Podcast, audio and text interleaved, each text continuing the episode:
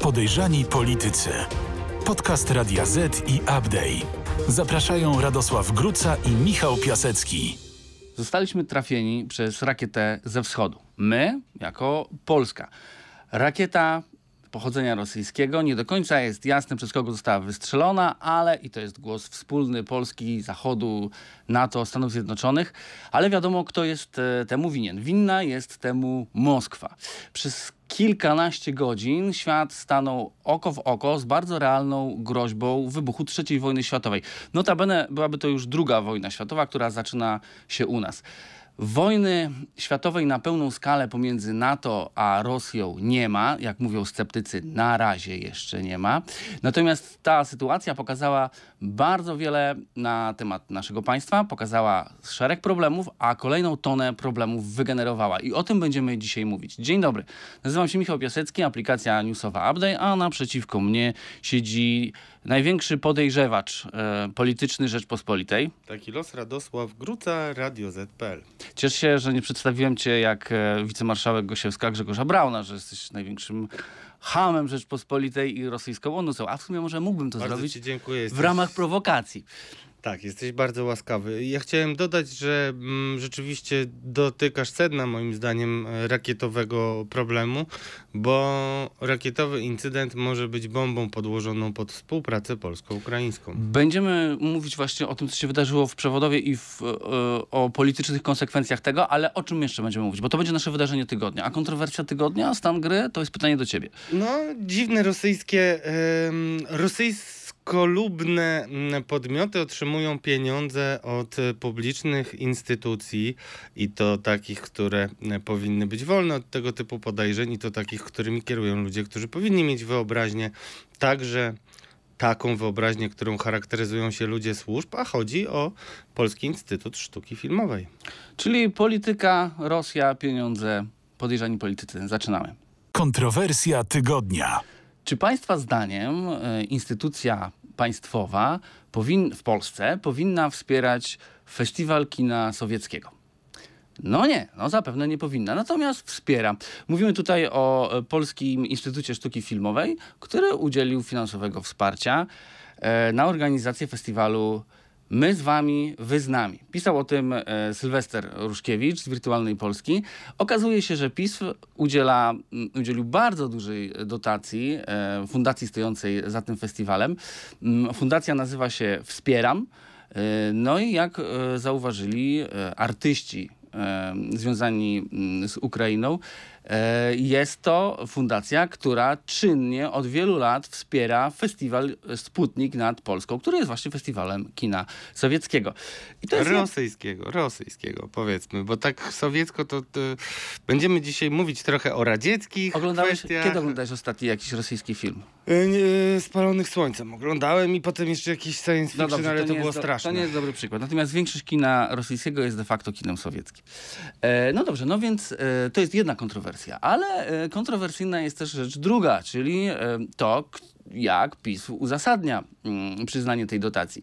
No i tam pojawiła się lista 26 nazwisk artystów ukraińskich i polskich, którzy wspierają e, ten festiwal. I Radek, pytanie do ciebie, czy ty sprawdzałeś, czy twoje nazwisko jest na tej liście?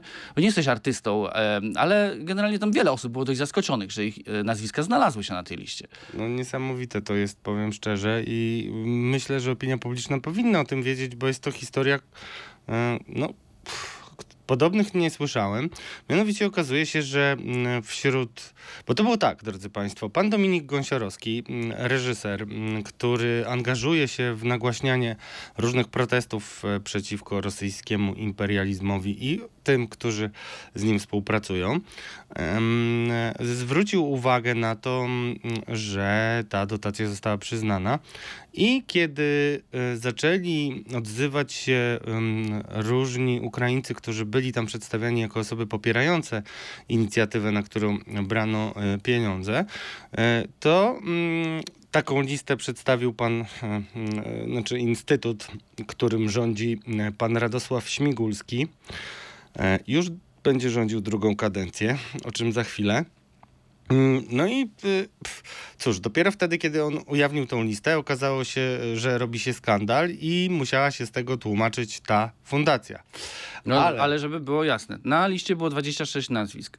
I po kilku dniach weryfikacji okazało się, że co najmniej 20 osób z tej listy wcale, nie, wcale jej nie podpisywało. Wcale nie popiera e, przyznawania pieniędzy. No właśnie, festiwal. no właśnie, no to było jeszcze, bo to nie jest tak, że to byli ludzie, którzy mogliby coś takiego popierać, bo są świadomi tego, w jaki sposób działają rosyjskie wpływy, jak się buduje agenturę wpływu e, i tak dalej, i tak dalej. Więc jest to niebywały skandal, e, któremu mm, mm, większość mediów nie poświęciła moim zdaniem należytej uwagi. A sprawa jest poważna, bo te pieniądze, które były przyznawane fundacji, były już przyznawane po tym, jak Rosja zaatakowała Ukrainę. Jeżeli mamy po pierwsze takie bardzo rusofilskie mm, towarzystwo związane z tą fundacją, tam pani mm, szefowa tej fundacji często zabiera głos bardzo kontrowersyjnie, e, tak bym to powiedział. E, I do tego jeszcze e, mamy mm, kwestię samego szefa e, Polskiego Instytutu Sztuki Filmowej, który z racji na swoje doświadczenie powinien być dużo bardziej czujny e, w takich obszarach, które realnie, jeśli chodzi o działanie agentury wpływu, dotyczą bezpieczeństwa państwa, bo poprzez budowanie agentury wpływu buduje się ludzi, którzy po pierwsze mogą budować pewne przekazy korzystne dla Putina, a po drugie yy, no, prowadzić yy, nawet działalność taką wywiadowczo-parawywiadowczą. No dobrze, a dlaczego powiedziałeś, że Radosław Śmigulski, zważywszy na swoje doświadczenie, e, powinien być bardziej wyczulony i ostrożny w takich kwestiach? Y, Jest wiele powodów. Nie o wszystkich y, jestem w stanie mówić ze względu na moich różnych informatorów. Na pewno, kiedy Radosław Śmigulski wchodził do Polskiego Instytutu Sztuki Filmowej, a wtedy z nim też rozmawiałem i mam też na to świadków, mm, mówił, że będzie wprowadzał większą kontrolę kwestii finansowych, a tam chodzi o często kilkadziesiąt milionów, które można przekazywać różnym twórcom. Tak naprawdę polska kinematografia odnosi sukcesy od kiedy PiS stworzono i pani Odorowicz, poprzednia szefowa, zbudowała taką potęgę i to trzeba oddać PiSowi. Dlatego jest to poważny cień na tej e, instytucji Mm, i Radosław Śmigulski w przeszłości pracował m.in. w totalizatorze sportowym. A totalizator sportowy y, jest to instytucja, która mm, no, ma bardzo dużo y, różnych oczu, które ją pilnują i nie jest możliwe, żeby pan Radosław Śmigulski nie miał y, kontaktów ze służbami i nie mówię, że to jest coś złego samo w sobie. Mówię o tym, że jeżeli jesteś osobą, która utrzymuje kontakty ze służbami, jest też osobą interesującą się różnymi e, mm, tego typu mm, tematami. Nie jest to kompletny laik. Jest też człowiek, który jest dużym światowcem, bo jeździ na różne festiwale, spotyka różnych ludzi. Musi być szczególnie czujny, e, a mimo to y, nie tylko jego instytut przyznaje tę dotację, ale jakby no, kompletnie się kompromituje, podając tą listę. I co najgorsze, na koniec dnia tylko fundacja delikatnie bije się w piersi, pieniądze zostają i skandal jest. No dobra, wiesz co, to ja y, trochę wbrew sobie, ale też y, y, chciałem się, nie zgodzę się z tobą. Bo, bo, a może to, jest, może to jest po prostu przypadek. Może, y, może te służby specjalne, które wszędzie widzisz, y, których wszędzie się dopatrujesz, to jest taki wytrych, bo zawsze można powiedzieć, że to, o, to ten zły Blofeld, którego nie widać, on tam jest. Może to jest czysty przypadek. Urzędnicy wypełniają mnóstwo dokumentów. Bardzo często idą drogą na skróty. Jeżeli ktoś widzi, że tam były inne instytucje, które y, dotowały mm, tą fundację, no to wydaje mi się, że jest to, jest to wiarygodny, wiarygodna firma, warto przekazać na nią pieniądze. Może to jest po prostu czysty przypadek. Mógłbym parafrazować klasyka, czyli e, pana Antoniego Macierewicza i zapytać cię przypadek, nie sądzę, ale będę, e, powiem nawet więcej. E, nie ma przypadków, są tylko znaki. Jeśli chodzi o tego typu sytuacje, one muszą być e, e, e, ostatecznie. Powinien tutaj zainterweniować e, minister Gliński i my powinniśmy jako media i opinia publiczna żądać wyjaśnienia. To jest ordynarne fałszerstwo. Jeżeli dopisujesz ludzi, którzy mają popierać inicjatywę, która jest sprzeczna w ogóle z ukraińskim, mm, z ukraińską racją stanu, a przecież Ukraińcy w Polsce są teraz już bardzo mm, rosnącą diasporą, nawet można by powoli powiedzieć. No to, no to jakby polskie państwo państwo musi reagować bardzo skutecznie. Ja nie słyszałem o żadnym mm, napisaniu doniesienia do prokuratury. Nawet e, no, no to jest absolutnie skandaliczna sytuacja, taka dotacja. No przyznasz chyba, jeżeli dopisujesz człowieka, który nie ma o tym pojęcia już, a poza tym tam była jedna osoba, która nie żyje e, od wielu, wielu lat. E, Właśnie, i- wiesz, e, mnie, najbardziej mnie zastanawia skala tej kompromitacji.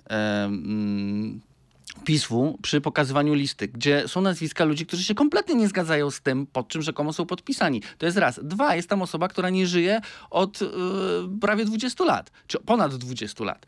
Więc szczerze mówiąc, ktoś, kto przygotowywał tą listę jako podkładkę, chyba nie do końca odrobił pracę domową. Nie no, to trudno powiedzieć o jakimkolwiek działaniu, którym nie byłoby intencjonalne. Znaczy, bo taką listę trzeba było stworzyć. To nie jest jakaś lista, e, która, nie wiem, dotyczy innych e, kwestii i przez przypadek się zawieruszyła. No chyba w to nie wierzysz, tak? No, Nie, nie, no takie listy tworzy się po to, żeby rzeczywiście uwiarygodnić składany, składany wniosek. no i tak? skutecznie uwiarygodnić. Ale- I też trzeba powiedzieć, bo wiem, że ty zawsze jesteś purystyczny w tym zakresie, trzeba powiedzieć, że to nie jest tak, że ta fundacja wcześniej nie dostawała pieniędzy. Ale po tym, jak e, Rosja pokazała swoją prawdziwą twarz i już nikt nie może mieć wątpliwości co do tego, e, że Putin jest terrorystą, a rosyjscy, ym, nawet nie chcę mówić żołnierze, no ale rosyjscy, rosyjs, no, rosyjska armia charakteryzuje się no, zbyt lęceniem i odczłowieczeniem w Żołdacy. Żołdacy.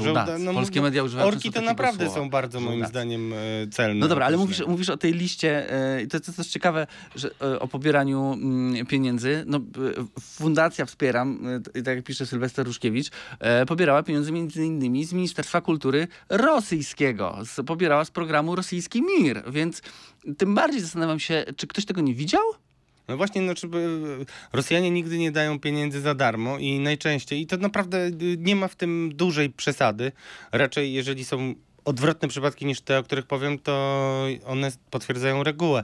No, Rosja nie budowała sobie może mm, tak subtelnie soft power, jak to robią na przykład Niemcy, ale też próbowali mm, e, prowadzić takie działania, które teoretycznie mogą być mm, zakwalifikowane jako takie budowanie miękkiej siły, promowanie swojej kultury mm, i tak dalej, i tak dalej, ale realnie Rosja jako państwo terrorystyczne wszystko podporządkowuje, mm, wszystkie działania, wszystkie koszty kwalifikowane mają służyć interesowi Rosji, a on jest sprzeczny z interesami zarówno Polski, jak i Unii Europejskiej. Oczywiście, wszystko, wszystko co pochodzi, czego dotykają rosyjskie pieniądze, jest napromieniowane rosyjską polityką. Tak? Oczywiście. Trzeba, tak jak MSZ, wszystkie działania dyplomatyczne Rosji są napromieniowane działaniem wywiadowczym, tak samo kulturowe napromieniowane są działaniem politycznym, propagandowym. Tak? To ja jeszcze, y, ty jesteś najczęściej adwokatem diabła, ale e, często nam e, fajne trollowe konta komentują nasz podcast, to ja zachęcam was, żebyście podpowiedzieli mi,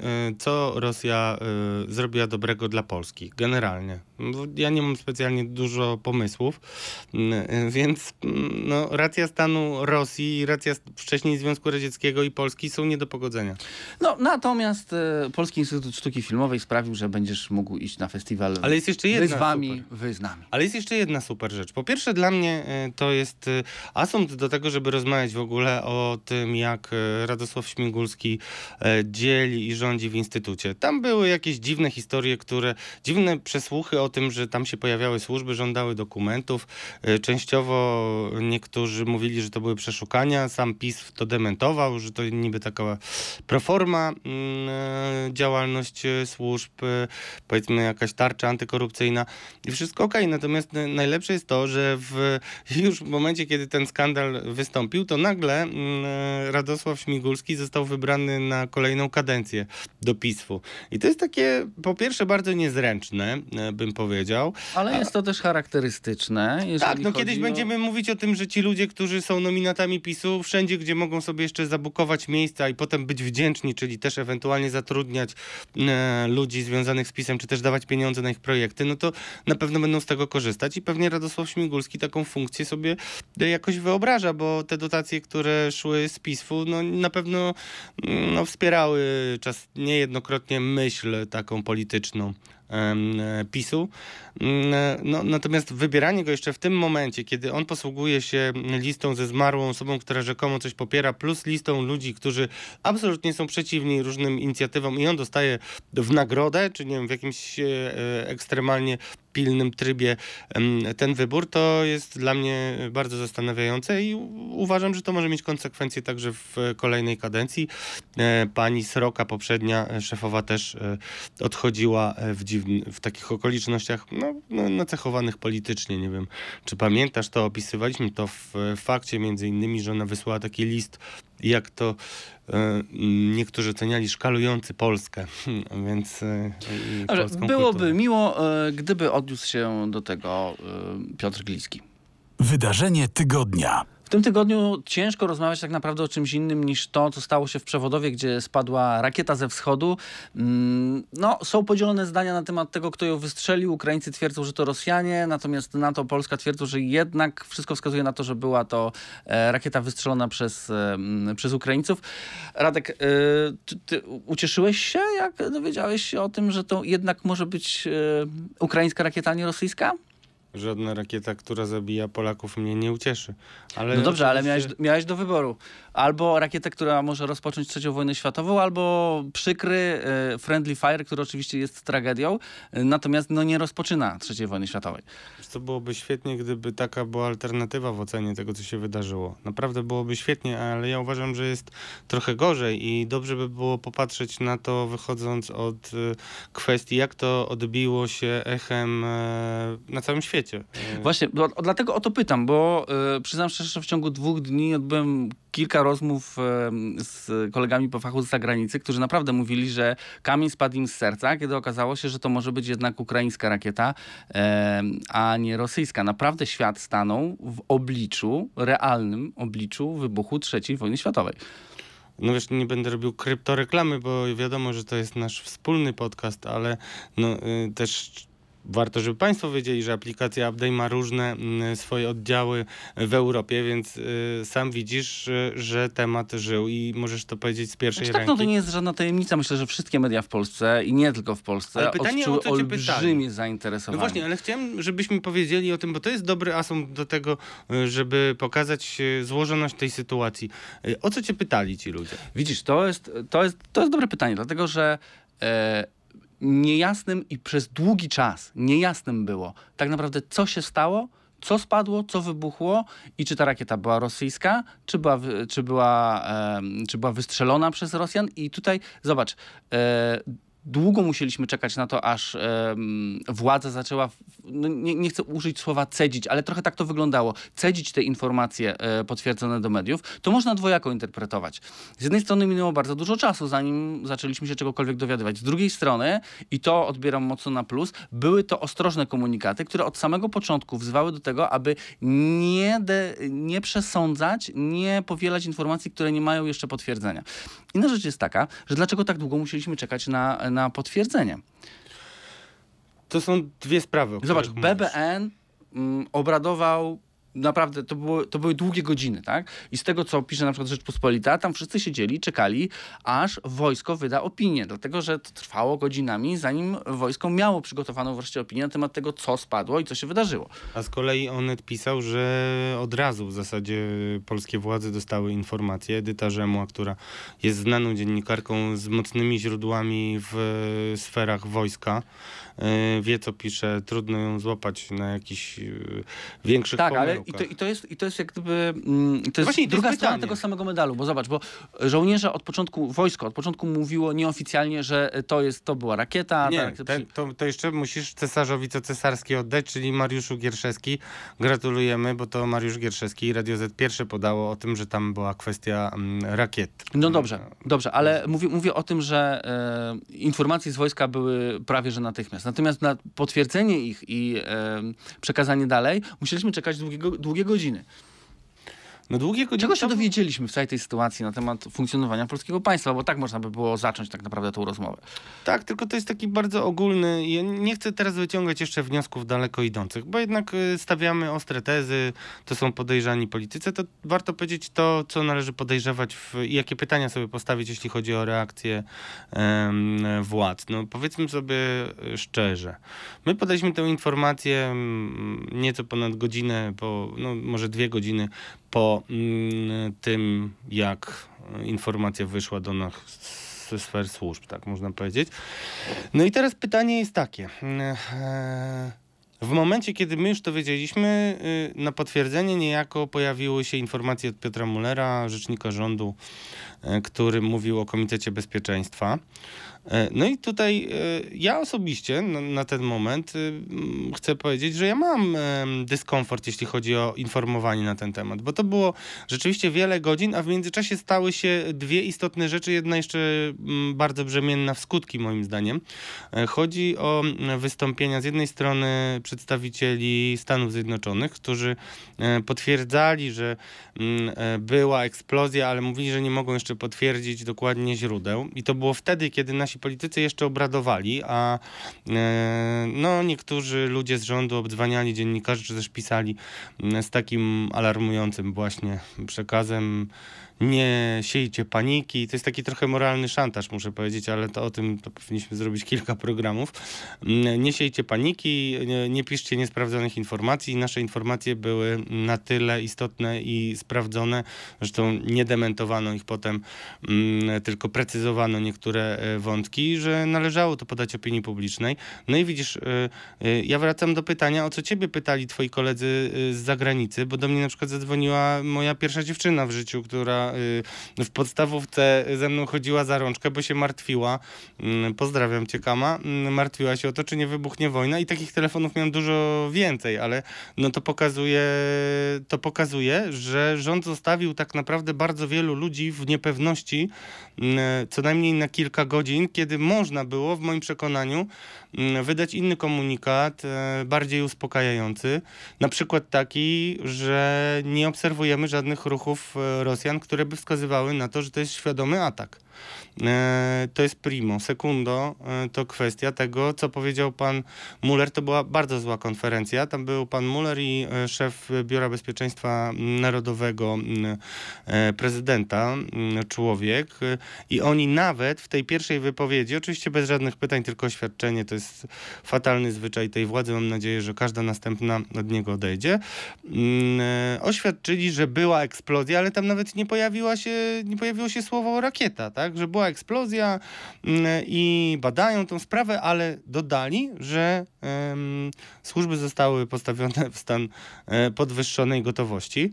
No to powiedz mi, jaki ty obraz z tego odbierasz? No, jakby widać, y, no wtedy w ogóle nikt jeszcze nie mówił o tym, że przez pierwsze godziny, że to może być kwestia ukraińskich rakiet. Jak dzisiaj y, się o tym y, mówi, że tak jak powiedziałeś, obowiązująca wersja to prawdopodobnie wypadek i próba Ukraińców utrącenia tych rakiet, które spadały wtedy na Ukrainę. Nie wiemy jeszcze, jak to było, ale drugim mm, głosem, który e, wybrzmiał bardzo i moim zdaniem ma dużo dalej idące konsekwencje, i to był głos, który wyprzedził stanowisko polskie oficjalne, no to kwestia prezydenta Ukrainy Wołodymyra Zełańskiego. Zostawmy na chwilę Wołodymyra Zełańskiego, bo do niego, o niego też chciałem cię zapytać, ale e, uporządkujmy. Jakby to, o, o, co mamy pretensje do władzy, to jest to, że na wiele godzin zostawiła nas w zasadzie bez informacji albo z bardzo szczątkowymi informacjami. Paradoks polegał na tym, że szybciej dowiadywaliśmy się e, o możliwych wydarzeniach od Amerykanów niż od własnej władzy. I teraz wykonam pewien piruet e, i powiem tak, a może to właśnie dobrze? Może to właśnie dobrze, że rząd naciskał na to, żeby nie siać paniki, żeby poczekać, żeby to zbadać, że trzeba usiąść, trzeba się zastanowić i trzeba dopiero potem mówić ludziom, czy nas Rosjanie atakują, czy nie, czy to może to był wypadek, może w traktorze coś wybuchło, może traktor coś przemycał, etc. Teraz celowo to troszeczkę, troszeczkę, z, e, troszeczkę to obśmiewam, natomiast e, wiesz, no jak gdyby to, co się wydarzyło dobrego, na co też wiele osób zwróciło uwagę w e, tych pierwszych e, kluczowych godzinach, to jest to, e, że rząd nie szarżował z oskarżeniami. Nie szarżował z tym, że jesteśmy pod ostrzałem, że Rosjanie do nas strzelają i tak dalej. To jest jedna rzecz. Druga rzecz, na którą, i teraz zwracam już jak gdyby na grunt taki stricte polityczny, na którą wiele osób, mi też osobiście zwróciło uwagę, to jest to, że polscy politycy jak gdyby mm, na ten moment zagrożenia zapomnieli o tym, że ktoś jest e, u władzy, a ktoś jest w opozycji i tutaj rząd i opozycja, jak to stwierdziła moja koleżanka, zachowały się bardzo ładnie. No, bardzo ładnie, no odpowiedzialnie się na pewno zachowali. Nie wiem na ile to się utrzyma ze strony Konfederacji, która ma prawo myśleć, że tutaj trafiło jej się polityczne złoto. No. Grzegorz Braun na pewno klaska uszami. Mm, ale to jest skomplikowana kwestia, bo e, ja bym nie mówił, że to dobrze. Po pierwsze, Amerykanie nie. Ja, ja mam takie wrażenie, że Amerykanie nie chcieli wychodzić przed szereg, właśnie po to, żeby nie kompromitować e, polskich służb. No i jakby dlaczego tak się stało? E, No, można rozpatrywać kilka scenariuszy, dwa podstawowe. Mm, e, Podstawowy to jest taki, że po prostu nasze władze musiały sprawdzić e, wszystko, skontaktować się z Amerykanami, e, nie zrobić e, żadnego faux pas. Przypominam, że niezręcznie wychodziła kwestia przekazywania samolotów e, dla Ukrainy, gdzie my mówiliśmy, że możemy je podstawić w Niemczech e, i stamtąd można je odebrać. Sceptycznie na nas patrzono w NATO. Już nie ma co do tego wracać. e, Rozwiązała się ta kwestia, ale no, problem został i ten problem no, dzisiaj nazywa się Wołodymyr Zełański, który na pewno działa na rzecz swojego kraju i realizuje rację stanu Ukrainy i powinien walczyć o każdego sojusznika, no ale trudno nie odnieść takiego wrażenia, że on jednak próbował nas wciągnąć w wojnę z Rosją, nas, czyli NATO. Wiesz co, no to porozmawiajmy o tym chwilę, bo rzeczywiście mm, nie wiem, kiedy Państwo będą słuchać tego podcastu, ale stan na ten moment jest taki, że e, NATO Polska twierdzą, że jest, była to prawdopodobnie ukraińska rakieta. E, Kijów twierdzi, że absolutnie nie i Wo- Wołodymyr Zełenski mówi mniej więcej coś takiego, to y, nie mam podstaw, żeby nie wierzyć w raporty moich wojskowych, z którymi przechodzę przez całą tą wojnę, a oni mi napisali, że to nie była nasza rakieta. I że mamy tam jakieś dowody na to, że, e, że to Rosjanie. No, Jo- Joe Biden, e, wracając z G20, e, stwierdził, że to nie są żadne dowody. e, To, że ktoś, e, ktoś ma zaufanie do swoich, mm, do swoich oficerów i do swoich, do swoich sztabowców. E, No dobrze, ale rodzi się pytanie, czy nie pojawi się za chwilę taki bardzo niebezpieczny zgrzyt polityczny, wręcz konflikt na linii Warszawa-Kijów. Na pewno jest Bo to, co robi, bo to, co, to, co, to różnica zdań to bardzo del- delikatnie znaczy powiedziałeś, jest- bo jest to, konflikt, co robi no. Kijów, to jest, to jest ewidentne podważanie e, wiarygodności Polski, ale też całego NATO. No daleko idąca mm, konstatacja, ale można jej bronić. Znaczy na pewno Wołodymyr Załański zabiera głos, y, zanim jeszcze wychodzą polskie władze i tam zaczynają coś dukać, bo później prezydent zabierał głos i ja za to dziękuję. Uważam, że to szybciej powinno się wydarzyć. Ale Wołodymyr Załański jakby jasno pokazywał, że to jest istotne wydarzenie i że tutaj Rosja eskaluje e, konflikt. Czyli jakby wskazanie na Rosjan, zresztą pojawiało się też u innych jego e, ludzi. Ukraina ma żywotny interes w pozyskiwaniu sojuszników, ale tego typu wprowadzanie czy też wikłanie na to no będzie bardzo źle odebrane i też bardzo źle y, rokuje na stosunki polsko-ukraińskie, a dużo tutaj jest potencjalnych problemów, o których się mówi. Bo to, bo to jesteśmy dwa dni po tym, e, po tym wydarzeniu i już teraz głosy, e, głosy z zachodu e, dyplomatów są takie, że Kijów idąc w zaparte w tej kwestii tylko i wyłącznie zraża do siebie. Sprawia, że e, tra, traci zaufanie w oczach NATO. Już jak gdyby relacje polsko-ukraińskie to jest jeden problem, który za chwilę może odżyć nam tu jakiś resentyment mm, zupełnie niepotrzebny. Mm, Ale rozumiem e, to, co Kijów, e, Kijów chce osiągnąć. Zresztą oni są na wojnie, tak? To, to są troszeczkę inne prawa e, tym rządzą. Natomiast z drugiej strony nikt nie ma do nich pretensji o to, że próbowali zestrzelić rakiety, które na nich leciały, tak? Nikt nie ma do nich o to pretensji. No nie ma, ale no właśnie tutaj problem polega też na tym, wydaje mi się, że na tym może stracić prezydent, o czym mm, będziemy rozmawiać, który ma wyjątkowe relacje z Załańskim. I to jest fakt. Oni się Dobrze, ale on może na tym stracić, a czy to nie jest tak, że tu jest teraz olbrzymia rola prezydenta, e, żeby właśnie tą sytuację, no nie chcę użyć takiego skrótu myślowego, że ją rozmasować, bo tego się nie da rozmasować, ale e, żeby spróbować wyprostować całą tą sytuację? na pewno Kto mógłby próbują, to zrobić? Na pewno próbują to robić, ale no, bardzo niepokojące jest to, że Załański trwa w tym e, przekonaniu i utrzymuje je wbrew, no można powiedzieć, wszystkim poważnym ludziom z jednej strony i z drugiej strony co też jest niedobre, e, a warto o tym powiedzieć, no rząd jednak e, zostawił sobie takie pole manewru, czy też jakiś margines błędu, bardzo świadomie sobie zostawił, że to jednak jest kwestia Rosjan. Mimo, że trudno znaleźć jakiekolwiek dowody. Nie, no czekaj, dlaczego błęd? No to jest, y, wiesz, no to jest konsekwencja tego, o czym mówiliśmy wcześniej, tak? Żeby nie szarżować, nie em, wyskakiwać z Ale oskarżeniem. jest różnica między nie szarżować, a wzywaniem rosyjskiego ambasadora przed północą, co jest jednoznacznym wskazaniem na to, że obwiniamy o to Rosjan. No tak, ale wtedy, wtedy chodziło o to, to są bardzo detaliczne sprawy i pewnie jak Państwo tego będą słuchali, to już będą mieli większą wiedzę niż my w tym momencie. Natomiast chodziło o to, że e, wówczas jasnym było, że pocisk e, rakietowy jest produkcji rosyjskiej, tak? To zostało wtedy już powiedziane. Radzieckiej podobno. Czy nawet radzieckiej, no już... Że To jest dość istotne. Znaczy rzeczywiście tutaj jakby należy ważyć słowa i, i można dyskutować o tym, czy y, wszystkie słowa były dobrze zważone. Natomiast na, na pewno nie mieliśmy do czynienia z żadnym skandalem i wyjściem e, przed szereg. Zresztą warto, żeby też państwo wiedzieli, bo to jest taki mechanizm polityki, który niestety y, obowiązuje w Polsce bardzo zły i on jest zupełnie y, inny niż w krajach e, zachodnich.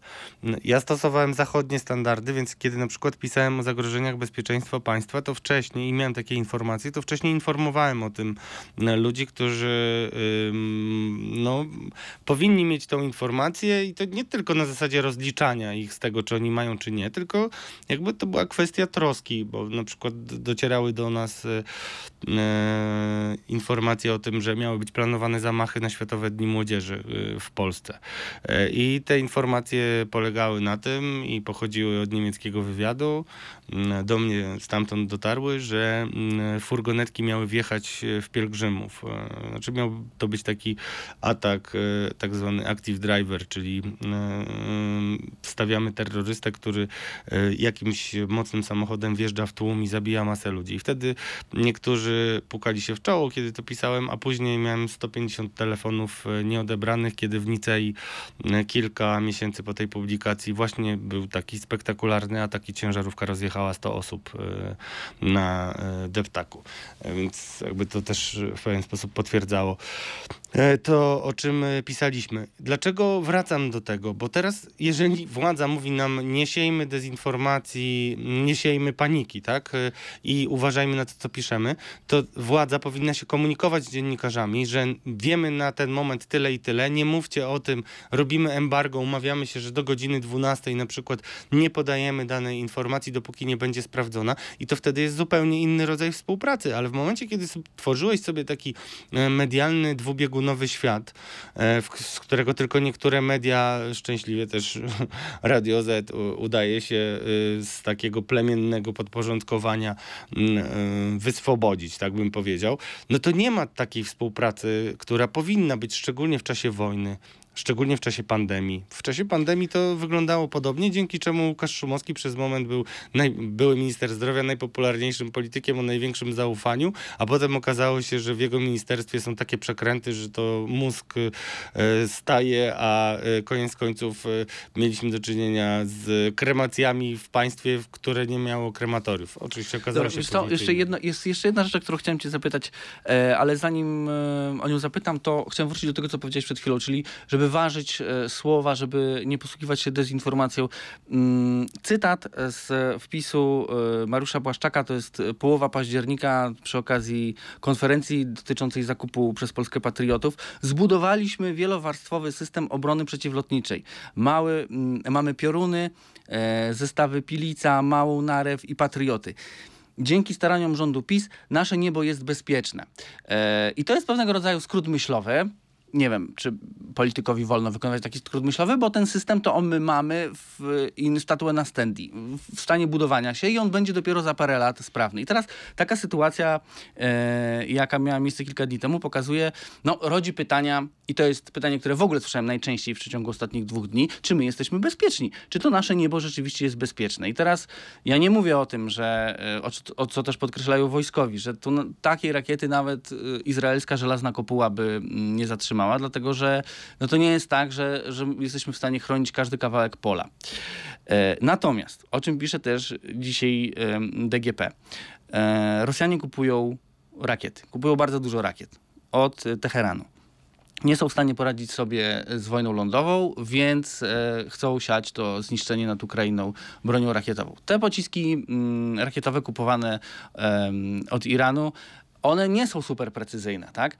Sytuacje takie, e, jak mieliśmy dwa dni temu przy granicy, lada moment zac- mogą zacząć się powtarzać. Więc rodzi się pytanie, które zadałby każdy, kto słucha tego podcastu i, i, i wie o tym, że będziemy rozmawiali o, tych, em, o tym, co się wydarzyło i o tych rakietach. Gdzie jest tarcza antyrakietowa? Czy my rzeczywiście jesteśmy bezpieczni? Co należałoby teraz zrobić na politycznym gruncie, e, żeby do, do takiej sytuacji nie doprowadzić? Bo o czym też mówiło wielu wojskowych ekspertów wcześniej, ale tak mam wrażenie, że nie do końca byli słuchani, a dziś już mówią to wszyscy. Takie sytuacje będą się zdarzać, jeżeli wojna toczy się przy twojej granicy. Przecież ta rakieta nie zawróci dolatując do, e, do granicy kraju.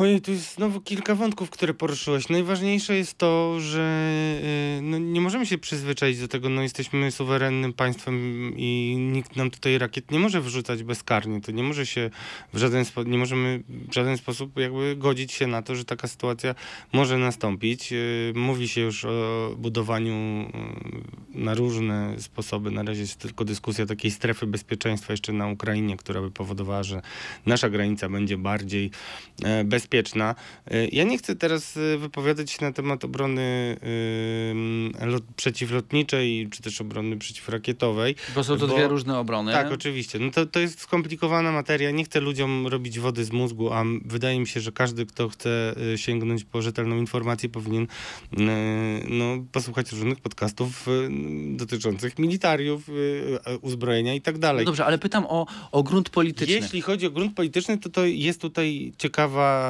jedna e, kwestia. Mianowicie chodzi o europejski system e, obrony antyrakietowej, o którym e, się mówi i który między innymi wspierają Niemcy, a my w ogóle nie chcemy w tym uczestniczyć. Tak jakby od razu się wypisujemy i mówimy, że my postawiliśmy na Amerykanów i tak naprawdę nasze rozwiązania są lepsze.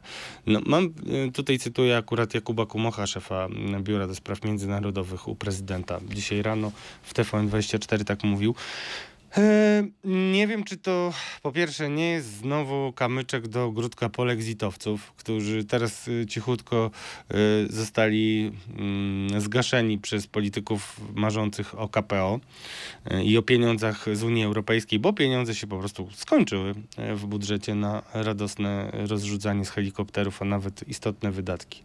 Mm, e, W związku z czym mm, to jest zastanawiające, no, czy na, pewno jeżeli będzie próba ze strony polityków PiSu mówienia o tym, że my nie przystępujemy do tarczy y, europejskiej, ponieważ y, nie chcemy wspierać idei y, fe, federacyjnego państwa europejskiego de facto rządzonego mm, przez Niemcy, no to to by było fatalne. Ale y, generalnie widać tutaj pewien mm, pewien chaos, ewidentnie. E, I to, co powinniśmy obserwować i y, co powinniśmy nagłaśniać, no to kwestia tego, żeby jednak rząd był bardziej kategoryczny w swoich ocenach mm, i nie próbował zostawiać sobie takiego marginesu, że to chodzi o Rosję, bo to budzi, to jest przede wszystkim takie podglebie dla różnych nastrojów i prowokacji, które mogą być robione. Prowokacji antyukraińskich, prowokacji w ogóle kłócących Polskę e, z Ukrainą, bo tutaj ewidentnie między nami nie ma zgody. E, Ukraina próbuje przekonywać, że to był atak rosyjski. Gdyby tak było, to rzeczywiście moglibyśmy mieć potencjalny wybuch III wojny światowej. Ukraina o tym wie. A mimo wszystko w to brnie. I nasze władze nie potrafią powiedzieć, e, nie chcą się oczywiście konfliktować z Ukrainą, starają się na razie zachować autonomiczną, zdrową em, pozycję do tego, no ale no, tak nie może być. Ukraińcy powinni już wycofać się ze swoich e, stwierdzeń, tym bardziej, że rzeczywiście władza zachowała się mądrze i dla siebie, i dla Polski e, i uprzedziła jakiekolwiek dywagacje na temat tego, że tutaj Ukraińcy nas specjalnie zaatakowali albo no, ucięła to w zarodku. Wszyscy mówią, że odpowiedzialna jest Rosja, koniec, kropka. Więc to jest wygodna sytuacja dla Zełańskiego, żeby się też z tego wycofał, żeby powiedział przepraszamy albo coś wyjaśnimy. A co mówi Zełański? Zełański mówi pokażemy wam dowody rosyjskiego śladu. Zresztą rosyjski ślad to jeszcze No, on mówi nie jeszcze jest, coś innego, no. on mówi zróbmy wspólne śledztwo, No i z- będzie po- śledztwo, prawdopodobnie. zaproście nas do śledztwa, a my wtedy pokażemy wam ślad e, rosyjskiego dowodu. No tak tylko w świetle moich informacji, bo tam ma być jakaś komisja, która to będzie wyjaśniać i tak dalej. No a moje informacje wskazują na to, że żadna komisja nie jest potrzebna, więc jeżeli ją powołujemy, to jest to jakieś polityczne działanie, przeciąganie i tutaj dopóki ta komisja będzie działać, to cały czas będzie można podsycać taką myśl, e, no trochę rodem z teorii spiskowych, że to jednak Rosjanie, albo nie wiem, niektórzy to mówią, że jest- sam PiS to jest totalnym absurdem. To, to jest absurd. dobry moment, abyśmy przeszli do stanu gry, w którym będziemy kontynuowali ten wątek, ale przeniesiemy go na grunt polskiej polityki i sprawdzimy, e, jak poszczególne ugrupowania czy poszczególni politycy zyskują, tracą w całej tej sytuacji. Stan gry. Na początek stanu gry, mm, w którym sprawdzamy, e, jak tam notowania polityczne w bieżącym tygodniu e, u poszczególnych polityków, chciałbym wrócić do tego, e, co powiedziała moja koleżanka, którą cytowałem, która mówiła o tym, że opozycja i rząd zachowały się ładnie. I rzeczywiście nie był to często obrazek, kiedy politycy opozycji, może nie, że jednym głosem mówią z politykami rządowymi, natomiast no, sygnalizując, e, że są pewne, że można było komunikacyjnie pewne sprawy rozwiązać inaczej, e, mówią, że e, Polska jest najważniejsza i bezpieczeństwo Polski jest najważniejsze. No dobrze, ale mm, jest jedno ugrupowanie polityczne, które myślę, że na całym tym zamieszaniu mogłoby zyskać. Mogłoby zyskać najbardziej. Myślę tutaj o Konfederacji i e, nawet d- dlatego też wspominałem na samym początku naszego podcastu o, o e, Grzegorzu Braunie i mm, o, tej, o tej tak zwanej ruskiej onucy, e, ponieważ no, tu chyba wiatr mocno może zawiać w takie żagle nastawione na e, e, kierunek antyukraiński. Konfederacja na tropie politycznego złota. E, Przypominam, że to jest cytat dotyczący tego, jak oceniali e, politycy i członkowie rządu mm, kwestie tego kryzysu na białoruskiej granicy. E, Tego typu e, historie, jak historia rakietowa, mm, mogą być wykorzystywane i to nie tylko przez opozycyjne, mm, antyukraińskie, prawicowe ugrupowania, ale także przez agenturę wpływu i samą Rosję. Ale Konfederacja trochę się chyba otrząsnęła z problemów, które spadły na nią na początku wojny, jako na to jednoznacznie, tak przynajmniej było to odbierane, można o tym dyskutować, ale jednak Konfederacja jest nazywana nawet Konfederacja e, w, na Twitterze e, przez e, przeciwników mm, tej, no, tej grupy mm, politycznej.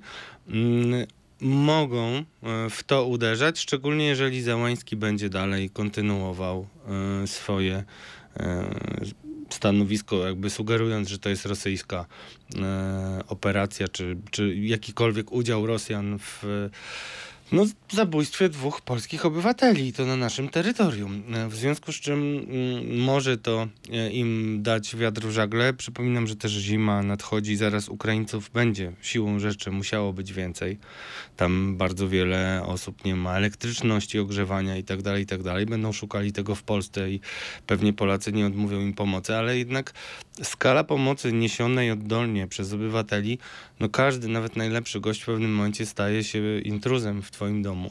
E, Nie widzę żadnych działań ze strony e, polskiego rządu, które by to przewidywały. I piękne słowa pani Agnieszki Ścigaj, pani ministry w rządzie e, Morawieckiego, która ma za tym odpowiadać, za to odpowiadać, no nie przekonują mnie. I to wszystko są rzeczy, które będą wzmacniały taką politykę, nazwijmy ją hasłowo, tak jak to hasztagi chodzą stop ukrainizacji Polski. Był taki moment w ogóle, że na polskim Twitterze e, taki e, stop ukrainizacji Polski hashtag królował e, i na pewno nie wrzucali mm, go mm, tylko polscy patrioci. Dobra, wróćmy, wróćmy ym, do opozycji, bo cała ta sytuacja e, no, jednak nie stawia opozycji w wygodnej e, sytuacji, wy- w, w, sytuacji, w wygodnej pozycji, dlatego że jednak musi stanąć obok rządu i chociaż in plus odbierane jest to, że tutaj rzeczywiście politycy mają jeszcze na tyle tego wyczucia, że wiedzą, kiedy nie należy się kłócić,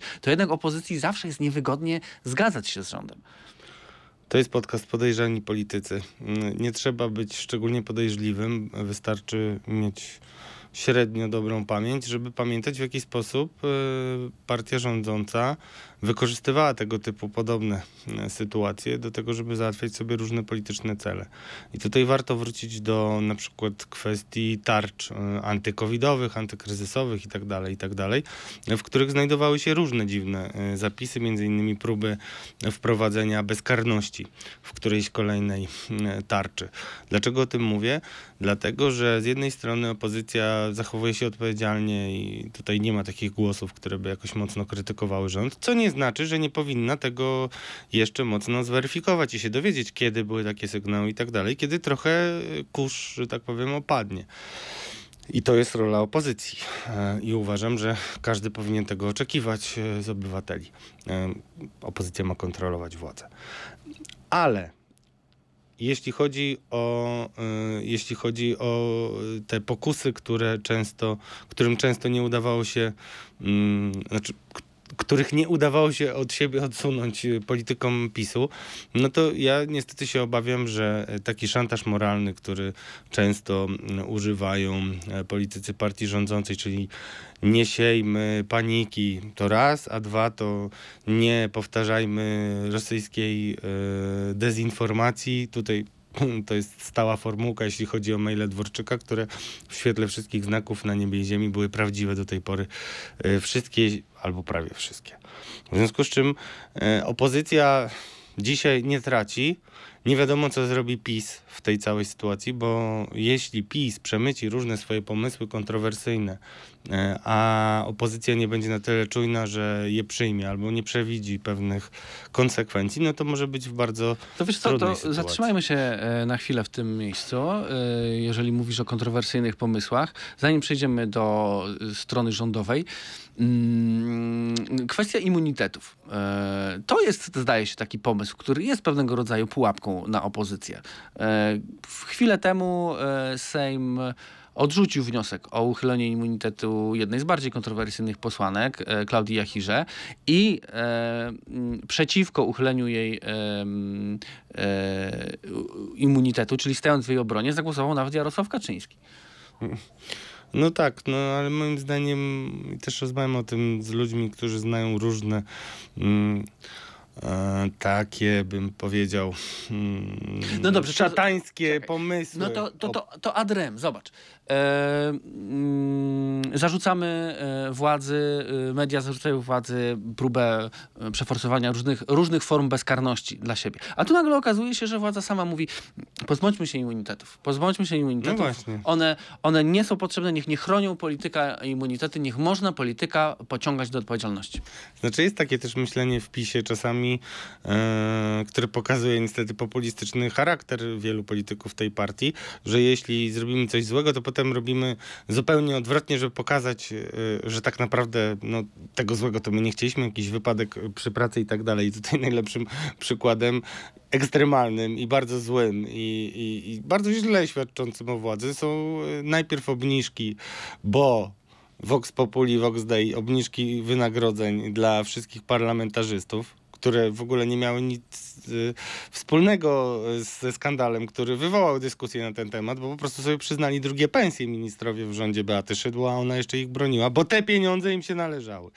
E, więc, a potem y, a, y, co zrobiono? Potem zrobiono podwyżki, bo trzeba było zaspokoić posłów, którzy coraz bardziej już kombinowali, jak tutaj się utrzymać, bo było ciężko. Także e, tutaj akurat pokazuje przykład e, jakby od ściany do ściany motania się tej władzy. No i przypomnę, że jak już tak stawiasz pytanie, to sobie przypomniałem, że jednak ta bezkarność wracała stosunkowo niedawno, plus, wracał Butapren Plus, więc to wszystko są takie jednak pro rządowe e, rozwiązania dla władzy korzystne i kontrowersyjne. No dobrze, a, a tutaj ona jest sobie... nagle takie No właśnie, więc na czym polega ta pułapka? Jest, to, to jest bardzo proste. Po pierwsze, zwróćmy też uwagę na jeden istotny polityczny wątek. E, pan Sobolewski na łamach prawicowego dziennika prorządowego już informuje, że do końca roku będzie projekt komisji weryfikacyjnej do spraw afery taśmowej, a dodatkowo jakby o swoje życie walczy Zbigniew Ziobro, którego, co mówimy od wielu miesięcy, jako pierwsi ma zastąpić ewentualnie Przemysław Czarnek. Mm, I jakie może to powodować konsekwencje? Ano takie, że te szuflady, które ma pełne kwitów Zbigniew Ziobro, zaczną się powoli opróżniać. To znaczy niektóre z tych kwitów zamienią się we wnioski o areszt, wnioski o zatrzymanie, przeszukania itd., itd.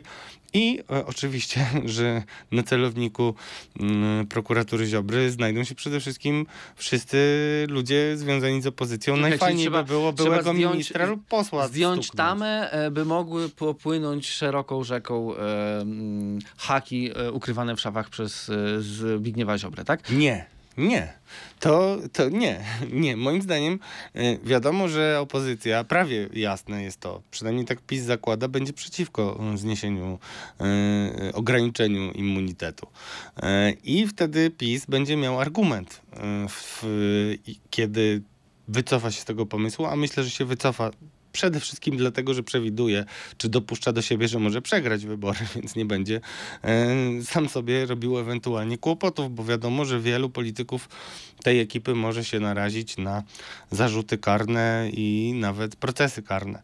Nie tylko zarzuty, bo mm, robimy to rozróżnienie, bo prokuratura Zbigniewa Ziobry często stawia zarzuty, a one potem w sądzie wyglądają na niepoważne i śmieszne. Więc to, to kilka takich przykładów dotyczących polityki można e, podawać.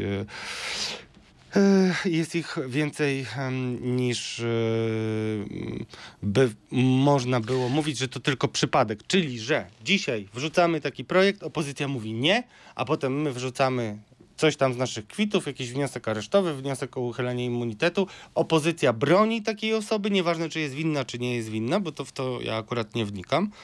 No i co mówi PiS? Patrzcie ludzie, wiadomości non-stop, nie chcą, chcą być czyli bezkarni, jest to, ratują jest się. to e, próba skonstruowania takiej pułapki, z której e, opozycja nie ma dobrego wyjścia, bo czy zagłosuje przeciw, czy zagłosuje za, to i tak em, coś na nią spadnie. Mało tego, drodzy Państwo, warto powiedzieć, że to nie jest coś, co jest nowego i powinna opozycja nie dać się uwikłać e, w, e, w tę pułapkę, bo to już zostało przetrenowane na kazusie wniosku o rozpatrzenie wniosku o uchylenie immunitetu marszałkowi Grodzkiemu, marszałkowi Senatu.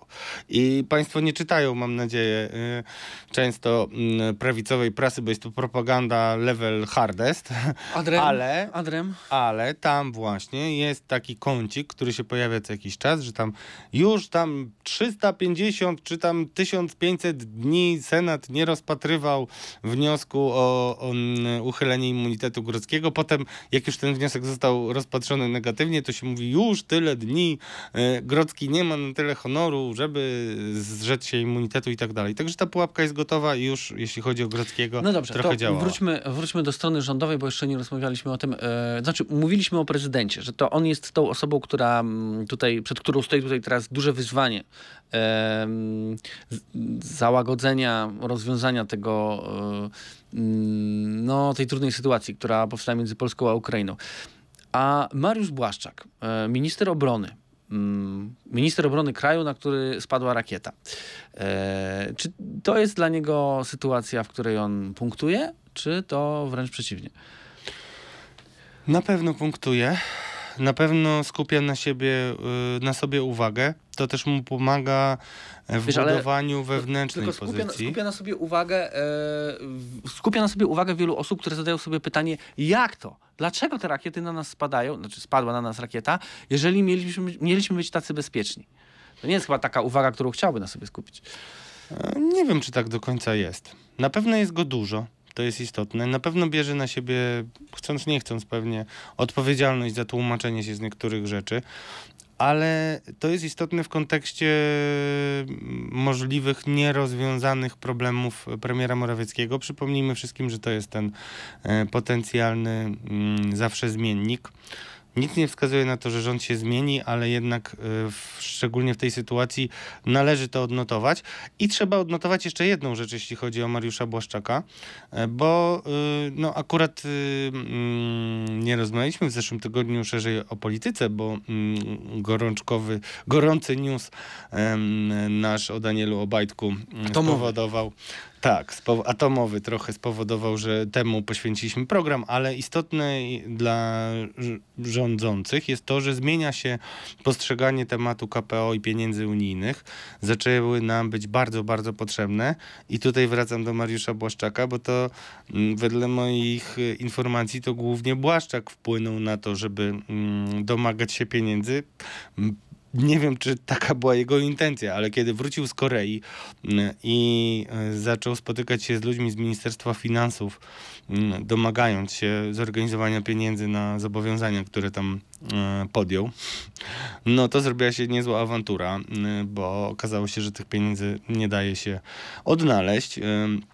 I to Mariusz Błaszczak podobno yy, no, zrobił wielką awanturę ludziom z Ministerstwa Finansów. Ja nie wiem, czy, yy, yy, czy to są złośliwe plotki, że przez to wszystko nawet pani minister finansów się popłakała i, i mówiła o tym współpracownikom, że rozpatruje y, swoją y, dymisję.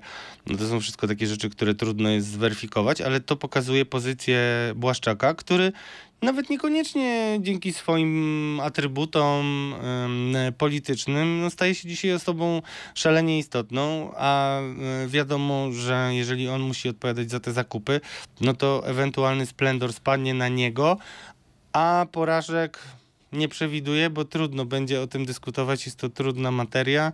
E, opozycja ma niewiele informacji i jeżeli tylko będą pieniądze, to będzie można to sprzedawać jako kiełbasę wyborczą. No, o pieniądzach będziemy jeszcze rozmawiać. Dzisiaj już nie mamy na to dalej czasu, natomiast e, na pewno do tego wrócimy, do kwestii pieniędzy, które to się ciągnie już od kilku miesięcy i do kwestii e, KPO, bo e, tutaj rzeczywiście zdaje się, że nadchodzą, nadchodzi, wieje wiatr zmian. I na koniec przeczytam tylko słowa Jarosława Kaczyńskiego, wypowiedziane 10 listopada, dzień przed Świętem Niepodległości, który mówił tak. To, o co mogę dzisiaj zaapelować, to o zrozumienie dla różnego rodzaju potrzeb, działań, które czasem mogą być mało zrozumiałe, ale są jednak konieczne. Apelują o zrozumienie dla działań, które prowadzą do celu. Działań, które mogą być w pewnym momencie zmieniane, weryfikowane, bo tak wygląda rzeczywistość polityczna. I kilka zdań dalej. Walka polityczna wymaga radykalnych zwrotów, więc może taki zwrot w kontekście pieniędzy z KPO właśnie się nam szykuje. Do tego będziemy wracać. Podejrzani politycy.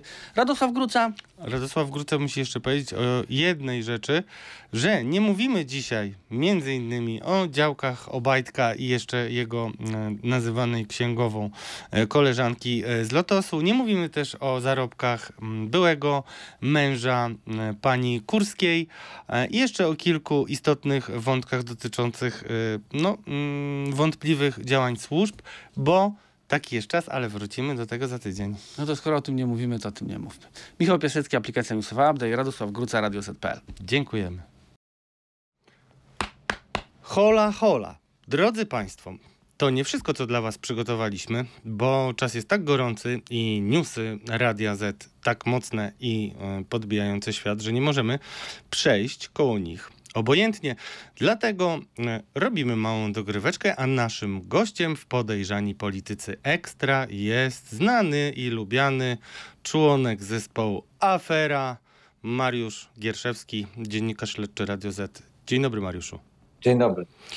Mariuszu, z Twojej tajnej bazy e, opowiedz nam, co e, ustaliłeś dzisiaj, e, bo drodzy Państwo, bardzo ważne jest to, że w Radio Z pilnujemy tematów i nie zostawiamy ich niedokończonych. Okazuje się, że mamy drugi odcinek wielkich ziemskich zakupów nominatów PiS. Mogłem powiedzieć, że to kolejny odcinek Daniela Obajtka, bo ta osoba, która y, zakupiła działki nieopodal planowanej budowy elektrowni, jest z nim związana. Mariusz, przypomnij, co ujawniłeś na początku tygodnia. No, chodzi tutaj o e, Zofię Paryłę, obecną prezes Energii, a wcześniej e, ostatnią prezes Lotosu i osobę, która jest nazywana księgową określana jako księgowa do Bajtka, dlatego że e, pracowała i była księgową e, w firmie, który, w której pracował też Obajtek, kiedy jeszcze nie był tak powszechnie znany. E, potem była księgową domu opieki społecznej w miejscowości, gdzie Obajtek był wójtem i ta znajomość ciągnie się już wiele, wiele, wiele lat. Dlatego ta osoba jest ważna w tej historii i dlatego mówię o tych kontaktach między Zofią Paryłą a Danielem Obajtkiem, bo właśnie tak jak powiedziałeś, e, także i Zofia Paryła kupiła na Pomorzu w gminie Choczewo e, sześć działek, mm, którymi się, którymi się zainteresowaliśmy, ponieważ e, no, leżą właśnie w gminie Choczewo, a ta gmina będzie przeżywać niedługo dosyć, no chyba nieznany w historii, swojej historii rozkwit, ponieważ tam będą e, prowadzone dwie największe inwestycje w kraju. Pierwsza, to już o niej, o niej powiedziałeś, jest to budowa elektrowni atomowej, a druga to właśnie w gminie Choczewo z morza na ląd będą wchodzić kable od wielkiej farmy wiatrowej, którą buduje PKN Orlen. E, te działki Zofii Paryły leżą bardzo blisko tych dwóch inwestycji. Można powiedzieć, że kilometr, półtora kilometra od miejscowości Kopalino gdzie, w pobliżu której powstanie elektrownia atomowa i jakieś 4-5 kilometrów od miejsca, gdzie będzie taka ława kablowa szła, czyli no dziesiątki, tak sobie to wyobrażam, dziesiątki tych, tych kabli, e, które będą właśnie wchodzić e, na ląd i tam gdzieś dalej będą do, dalej rozdzielane w jakiejś transformatorowni. No ale w każdym razie może nie użyłem tutaj zbyt profesjonalnego, profesjonalnego języka, no ale tak to sobie każdy z nas może wyobrazić. E, ta gmina będzie przeżywać rozkwit dlatego, co zresztą powiedziałeś już we wcześniejszym odcinku, e, że e, rząd planuje dofinansować rozwój infrastruktury też w gminie Choczewo, czy w takich gminach, gdzie będą właśnie powstawać elektrownie atomowe, pięcioma miliardami złotych. To znaczy, że będą tam budowane drogi, ko, kolej prawdopodobnie, być może dociągnięte inne media.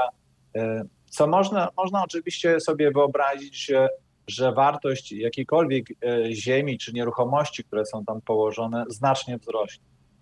E, I no, zaczęliśmy sobie zadawać pytanie, to już przy poprzednim odcinku o tym mówiliśmy, kto jeszcze oprócz Daniela Obajtka wykupuje tam ziemię. No i właśnie e, odkryliśmy wtedy panią Sofię Paryłę. Jak już powiedziałem na wstępie, osobie, osobę bardzo bliską Danielowi Obajtkowi. To jest podcast Podejrzani Politycy, więc y, może zaapelujemy do wszystkich, którzy nabyli e, w tamtejszym e, rejonie jakieś działki, żeby się sami przyznali, żebyśmy nie musieli podejrzewać, że stoi za tym jakaś tajemnica, drodzy Państwo, bo takie plotki e, chodziły, mm, ale nie ciągnijmy plotek, będziemy na pewno dalej o tym informować. Natomiast przypomnijmy... No poczekaj, jeszcze tylko, jeszcze tylko dodam, że oczywiście każda z tych osób e, nabyła te działki legalnie e, i oczywiście miała do tego prawo. E, no, niemniej są to osoby, no tak jak mi się wydaje, które obracają takimi pieniędzmi, że musimy prześwietlać to, co robią. No i też istotne jest to, kiedy były kupowane te działki, jak to się nakłada na ostateczne lokalizacje i tak dalej. Tylko, że drodzy Państwo, my nawet y, nie śpiąc i nie jedząc, pracując 24 godziny na dobę, nie mamy takich możliwości jak służby specjalne, które powinny się tym zajmować, jak na przykład CBA. W związku z czym y, jakby zapraszamy agentów do tego, żeby jednak przyjrzeli się tym sprawom. Mariuszu, jeszcze jedna bardzo ważna rzecz, edukacyjna trochę, ale też pokazująca, w jaki sposób buduje się narrację, będąc w ekipie rządzącej. E, cieszę się, że też podniosłeś tę kwestię na Twitterze. Mieliśmy do czynienia z bardzo ciekawą e, próbą przykrycia naszego odkrycia, jeśli chodzi o działki mm, Daniela Obajtka. I tutaj warto prześledzić, w jaki sposób e, nasza e, publikacja wykluwała się, bo drodzy Państwo, mm, byliśmy gotowi rano, oczywiście rozmawialiśmy z Danielem Obajtkiem też rano, natomiast musieliśmy czekać na e, wszystkie stanowiska, w związku z czym publikacja była następnego dnia po rozmowie z Danielem Obajtkiem. A Ty w między... o działkach Daniela Obajtka. Tak, teraz mówię o działkach Daniela. Tak, mówię o działkach Daniela Obajtka, bo to bardzo znamienne. Musieliśmy czekać e, jeden dzień, a w międzyczasie wieczorem pojawiły się w prorządowych mediach takie opisy, e, które posługiwały się cytatem Daniela Obajtka, który mówił, że już dawno temu kupił e, te działki, pewnie 20 lat temu. Wielu apologetów tej władzy to potem publikowało na Twitterze, tak jakby tworząc wrażenie, że tutaj nie ma żadnej tajemnicy. Ja pamiętam jeden z tytułów, że Daniel Obajtek, Daniel Obajtek ucina spekulacje odnośnie swojej działki. Ty też zwracałeś uwagę na to na Twitterze. Myślisz, że to jest przypadek? Myślę, że to była taka manipulacja, którą zastosowano. To znaczy, rzeczywiście Daniel Obajtek miał tam, to mówimy teraz o Borkowie Lęborskim, miał tam działkę i ma tam pałacyk, który oddał w zarząd fundacji. Zresztą ty tą fundacją się interesowałeś. Natomiast te nowe działki dokupił w pobliżu i jakby one przylegają do tamtej nieruchomości, więc jakby je, może je tam dołączyć tak, także do tej, do tej nieruchomości i, do, i stąd właśnie mógł powiedzieć, że kupił to dawno, dawno temu i nie wiadomo dlaczego się tego czepiamy. Jakkolwiek w oświadczeniu jego adwokata mecenasa Zaborowskiego pojawiło się takie słowo, że dokupił działkę, czy działki, przepraszam, dokupił działki, tak, tak, więc generalnie nawet mecenas Zaborowski potwierdził naszą informację. No właśnie, to jest potwierdzona informacja, trochę taka jakby rozmasowana przez stronników partii e, rządzącej. Będziemy na pewno do tego wracać i też już mówimy, że e, pytania do e, fundacji będziemy kierować, bo to nie jest dokładnie tak, jak mówił Daniel Obajtek, przynajmniej na ten moment i też będziemy prosili Daniela Obajtka, żeby to wyjaśnił. Ale też z Danielem Obajtkiem wiąże się druga rzecz, o której piszesz regularnie i mm, informujesz e, w radiu. Chodzi o poświadczenia bezpieczeństwa. Bardzo ważny papierek lakmusowy rzetelności i no właśnie to jest rękojmia, że taka osoba mając dostęp do tajemnic, bo poświadczenia bezpieczeństwa dają dostęp do różnych klauzulowanych tajemnic, ściśle tajne, tajne, poufne. No i y, Daniel Obajtek miał złożyć swoje oświadczenie e, do 31 października, ankietę po to, żeby mieć dostęp do e, tajnych. No i co tam się wydarzyło i jakie przy okazji odkrycia przynosisz dzisiaj? Wiesz, e, oficjalnie no, no, można powiedzieć, że w czasie wywiadu z Romanem, z, z Bogdanem Rymanowskim, Daniel Obajtek powiedział, że nie ma czegoś takiego w ustawie, żeby ktoś kazał mu i wymusił na nim to, że ma przejść tą, tą podwyższoną procedurę bezpieczeństwa, tą procedurę sprawdzania. W związku z tym e, wynikało z tego między wierszami, że nie ma zamiaru tego zrobić. I tak rzeczywiście e, takie mieliśmy też nieoficjalne informacje, że Daniel Obajtek, e, przynajmniej jeżeli chodzi o, o ubiegły tydzień, że do ubiegłego tygodnia on nie złożył tego czy nie rozpoczął tej procedury, nie złożył odpowiednich dokumentów, e, które by rozpoczęły tą procedurę sprawdza, sprawdzającą, poszerzoną procedurę sprawdzającą, która mogłaby się zakończyć wydaniem poświadczenia bezpieczeństwa, tak aby mógł mieć dostęp do informacji tajnych. E, więc wiedzieliśmy to nieoficjalnie, a Daniel, Daniel Obajtek w wywiadzie no, potwierdził to, to tak można było odczytać jego słowa. Zresztą padły tam, padło tam takie zdanie, nikt mnie nie będzie przypierał do muru. Oczywiście to, to zdanie było adresowane, my to tak czytamy do wicepremiera Jacka Sasina, który właśnie e, chciał e, wymusić, wymusić no, tego zażądał, zażądał od e, spółek, od prezesów ponad 20 spółek Skarbu Państwa e, pismem, które rozesłał 20 października. W związku z tym no, e, ewidentnie Daniel Obajtek postawił się tutaj wicepremierowi Sasinowi. Nie wiemy dlaczego i z jakich przyczyn.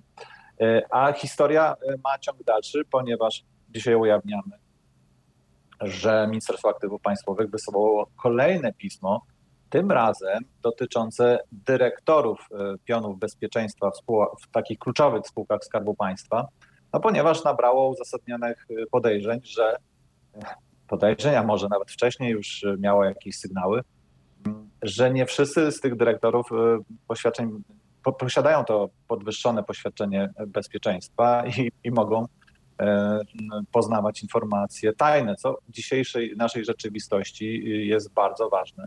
Nie można podejmować kluczowych, strategicznych decyzji, nie mając dostępu do informacji tajnych. No i takie pismo zostało rozesłane z, z pytaniem, kto, czy dyrektorzy w tych spółkach posiadają takie poświadczenia, a jeżeli nie, no to że, ma, powinni jak najszybciej wszcząć tą procedurę, aby otrzymać takie poświadczenie bezpieczeństwa. No jest to kolejna, kolejny element tej układanki. E, czy, czy są za tym jakieś mm, e, także intencje e, polityczne wicepremiera Sasina?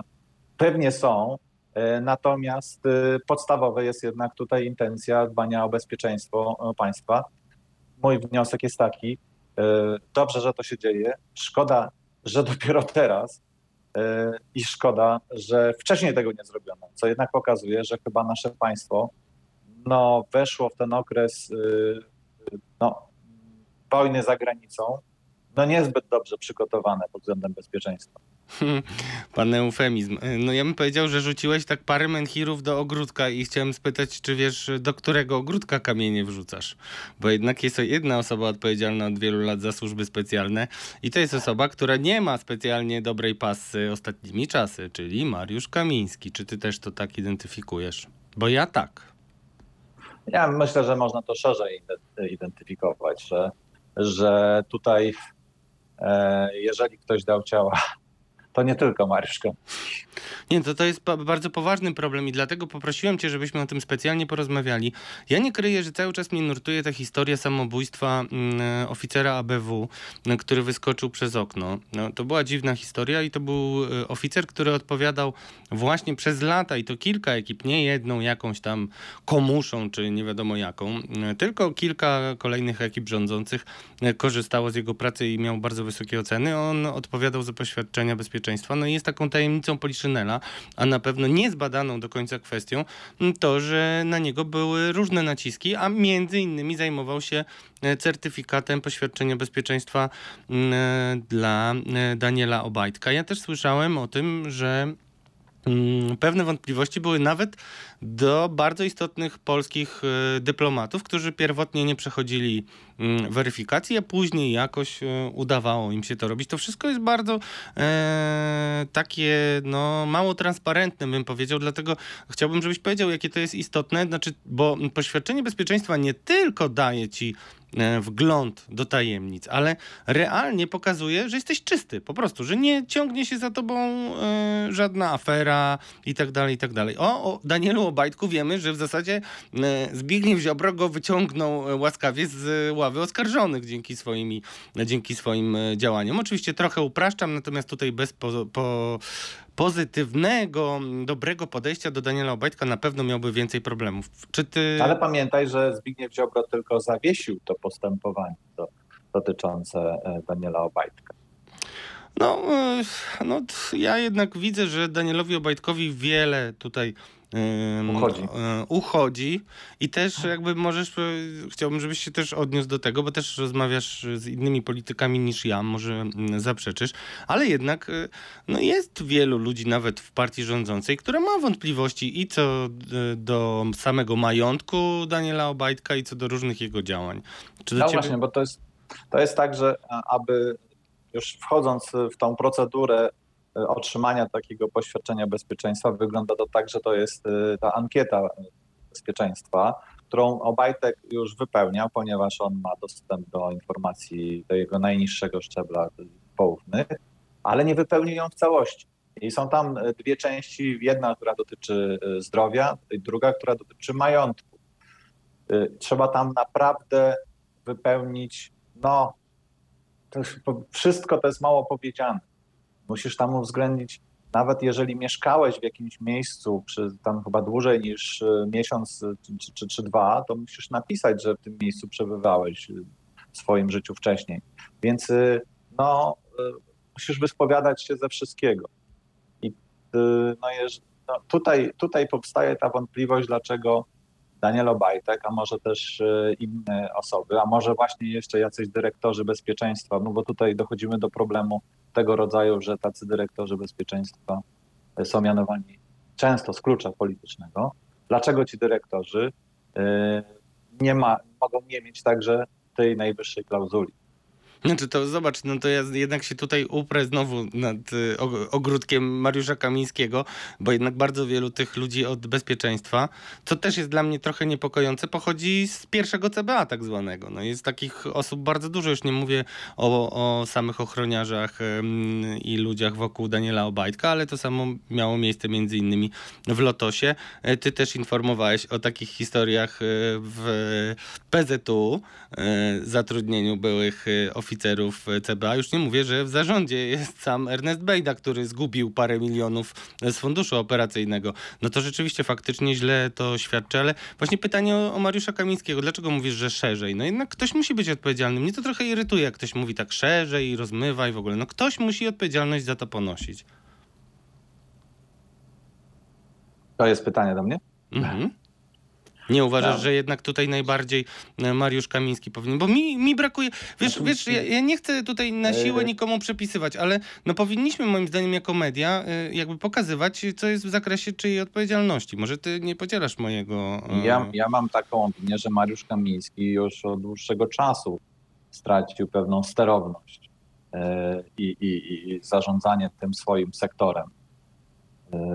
W związku z tym dlatego mówię, że to trzeba by e, jakoś szerzej do tego podchodzić. Okej, okay. ja wszystkim tylko Państwu y, uświadomię, że y, Mariusz Kamiński jako koordynator i szef y, MSW ma większą władzę niż na przykład generał Czesław Kiszczak, który kiedyś miał wszystko w swoim ręku prawie. Ale dobrze, zamykamy ten temat, bo musimy powiedzieć o czymś, o dużym Twoim sukcesie. Bardzo Ci gratuluję. Zresztą Cię wspierałem, nie jest to tajemnicą. Tak, potwierdzam. Mariusz, powiedz, no dlaczego mm, Dobrze, najpierw powiedzmy to jasno. Pierwszy powiedziałeś o tym, że był atak e, rakietowy. E, najpierw... Może nie atak, że, nie, że, tak. że No właśnie, to jest precyzyjne, spadły. zresztą tak, może tak. powinniśmy powiedzieć, ale powiedz o tym, e, jak to wyglądało i dlaczego opublikowaliśmy to, mimo że nie da się ukryć, że była presja ze strony partii rządzącej, żeby jak najmniej publikować, dopóki nie będzie wszystko potwierdzone i tak dalej. No, wiesz co, myślę, że to ważne, że, że trzeba pokazać, jak na początku e, stworzono pewną zasłonę dymną. Abstrahuję od tego, czy, e, czy pod względem e, interesu państwa ona była potrzebna, czy też nie. O tym można rozmawiać oddzielnie. Natomiast na pewno stworzono taką zasłonę dymną przed mediami, bo samo zdarzenie, upadek jakiś tam rakiet. Y, to wszystko zdarzyło się o 15.40. Y, bardzo szybko lokalne radio Lublin, przypominam, że państwowe, podało, że jest to, że doszło do zdarzenia i że przyczyna jest taka, że jakiegoś zdarzenia, w którym zginęło, zginęły dwie osoby, ale przyczyna jest taka, że wybuchł tam traktor. I ta informacja o rzekomym wybuchu traktora, czy, czy jakiegoś urządzenia przy przy tym traktorze, no, zahamowała, zastopowała interesowanie się tą sprawą. Bo też y, wtedy, kiedy ja dostałem informację, pierwszą, pierwszą informację, że coś tam spadło, mogą być to, może to być rakieta, czy mogą to być dwie rakiety, no to bardzo szybko próbując to weryfikować, słyszałem po drugiej stronie, no przecież już to zostało podane. No tam doszło do nieszczęśliwego wypadku, wybuchł traktor. Tak? I e, to, no mam takie wrażenie, że to niestety, ale było poddane specjalnie, tak aby utrzymać te, to zdarzenie przed, przed mediami w tajemnicy. Nie odpowiedziałeś wprost na moje pytanie, ale każdy chyba może wyciągnąć wnioski. Oczywiście nie insynuujemy nikomu e, sprawstwa, być może to błąd, niechlujność, nieudolność. Niemniej jednak nie da się ukryć, że mm, e, tak było i że najpierw informacje... No ktoś tę informację Radiu Lublin podał. Tak, a na pewno nie były to osoby, które pochodziły z lokalnego samorządu, to możemy Państwu powiedzieć. A jeszcze do tego, jakby no, zastanawiające jest cały czas to, w jaki sposób e, dostawaliśmy informacje na ten temat. Tym bardziej, że nie ma co ukrywać, że służby wiedziały już e, w, no, w tym samym momencie w zasadzie, że e, spadła rakieta. A nawet mówiło się na początku o dwóch rakietach, co istotne, spadła jedna. Mówi się, i też to podałeś później, że wedle twoich e, informacji e, to być może była ukraińska rakieta, czy tam część rakiety, która była wystrzelona po to, żeby e, przeciwdziałać, żeby unieszkodliwić rosyjskie rakiety, które zostały rzucone tego dnia. Twoje informacje były cytowane przez wiele zachodnich mediów, a z oficjalnym potwierdzenie musieliśmy czekać 4 godziny i też dlatego chciałem Cię poprosić o to, jako tego autora newsa, żebyś ocenił w jaki sposób Piotr Muller i szef BBN-u wystąpili i, i no trochę potwierdzili Twoją informację, ale co znamienne, nawet nie padło tam słowo rakieta. Tylko eksplozja. Oczywiście, to znaczy, no, polskie władze bardzo długo o, nie mówiły nic. A to jest najgorsze w takiej sytuacji, ponieważ to niestety mnoży spekulacje. E, no i mnoży lęk. No mów, mówmy, ja już to tak. mówiłem. Do, no do mnie dzwonili ludzie, z którymi latami nie rozmawiałem, e, po to, żeby spytać, czy co tam Mariusz napisał, czy zaraz będzie wojna. Przypominam sobie może nie, nie takie same, ale podobne sytuacje, kiedy w grę wchodzi bezpieczeństwo państwa, że wtedy rząd czy przedstawiciel rządu po pierwsze, prowadził jakieś zakulisowe, szybkie telefony, rozmowy z kluczowymi politykami A opozycji, B przedstawicielami, szefami najważniejszych mediów prywatnych, no państwowych też, prawda? Więc y, były takie sytuacje, że i wtedy e, telefon z kancelarii premiera do redaktora naczelnego i pewne ustalenie pewnych ram, pewnych zasad, że chodzi o bezpieczeństwo, że będziemy komunikować to jakoś tam wspólnie, razem, aby się, aby się tutaj nie prześcigać w jakichś spekulacjach. Tego tutaj nie było. Do mnie zadzwonił jeden z, prominentnych polityków opozycji, e, zapytać się, ale to prawda? Bo przecież czytaliśmy o jakimś ciągniku. E, e, więc e, no, rząd, rząd się zamknął, władza się zamknęła, sobie i plan, coś tam planowała, nie wiemy, nie wiemy co, chciała to jakoś wykorzystać czy nie, te informacje. Ale w każdym razie pozbawiła dostępu do informacji wszystkich, wszystkie inne um, struktury państwa czy, czy, czy państwa obywatelskiego. No bo przecież także i samorządy były całkowicie pozbawione informacji. W warszawskim ratuszu odbyła się narada spotkanie z szefami Straży Miejskiej, z policji i tak dalej, spotkanie online. I tak naprawdę oni nie wiedzieli, e, do czego mają się przygotowywać, e, jakie środki przedsięwziąć, więc e, nie było żadnego sygnału ze strony aparatu państwowego i rządu. I to jest, to jest, to, to, to bardzo źle to wróży na przyszłość. No właśnie, to, to ostatnie pytanie. Czy ty u, nie uważasz, że to jest najwyższa pora, y, żebyśmy um, uzyskali jakąś informację, na ile my jesteśmy gotowi na poszczególne e, scenariusze? Czy uważasz, że to tak naprawdę powinno zostać w sferze tajemnic państwowych i my powinniśmy, mimo takich informacji, które też tu przynosisz, jeśli chodzi o no, brak odpowiedniego rozdysponowania informacji, um, które mogą e, przeciwdziałać różnym lękom, już nie mówię o wybuchach paniki, bo tych nie było szczęśliwie, ale kiedyś mogą być. Czy ty uważasz, że to powinno być w sferze tajemnic państwowych, czy my jednak jako opinia publiczna i dziennikarze, którzy reprezentują opinię publiczną, po to wyciągamy informacje, powinniśmy poznać i być przekonani, że państwo jest gotowe? Jaka jest twoja opinia? Bo to jest bardzo delikatna materia i dużo się o tym dyskutuje. Na pewno powinniśmy wszyscy w takich sytuacjach grać do jednej bramki.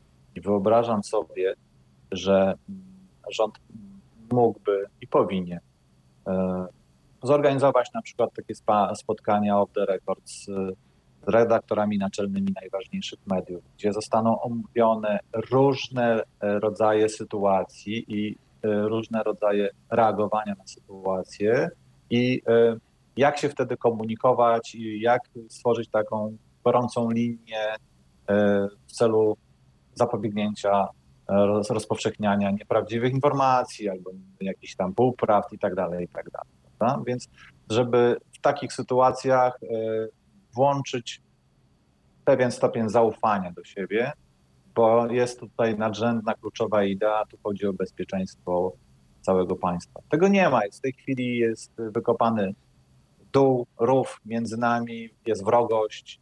E, Tutaj jest e, rząd ze swoimi mediami publicznymi, po drugiej stronie są media prywatne, które e, i, i, i tutaj nie ma tej łączności, nie ma porozumienia, które w takich chwilach, w takich momentach kluczowych powinno, powinno Jako rzecznicy transparentności apelujemy do e, rządzących, e, a także polityków, żeby zastanowili się, nigdy nie jest za późno, żeby zmienić zdanie, a wszyscy gramy do jednej bramki i wszystkim mediom, niezależnie od e, rzekomych, insynuowanych czy realnych sympatii, na pewno bezpieczeństwo Polski jest drogie.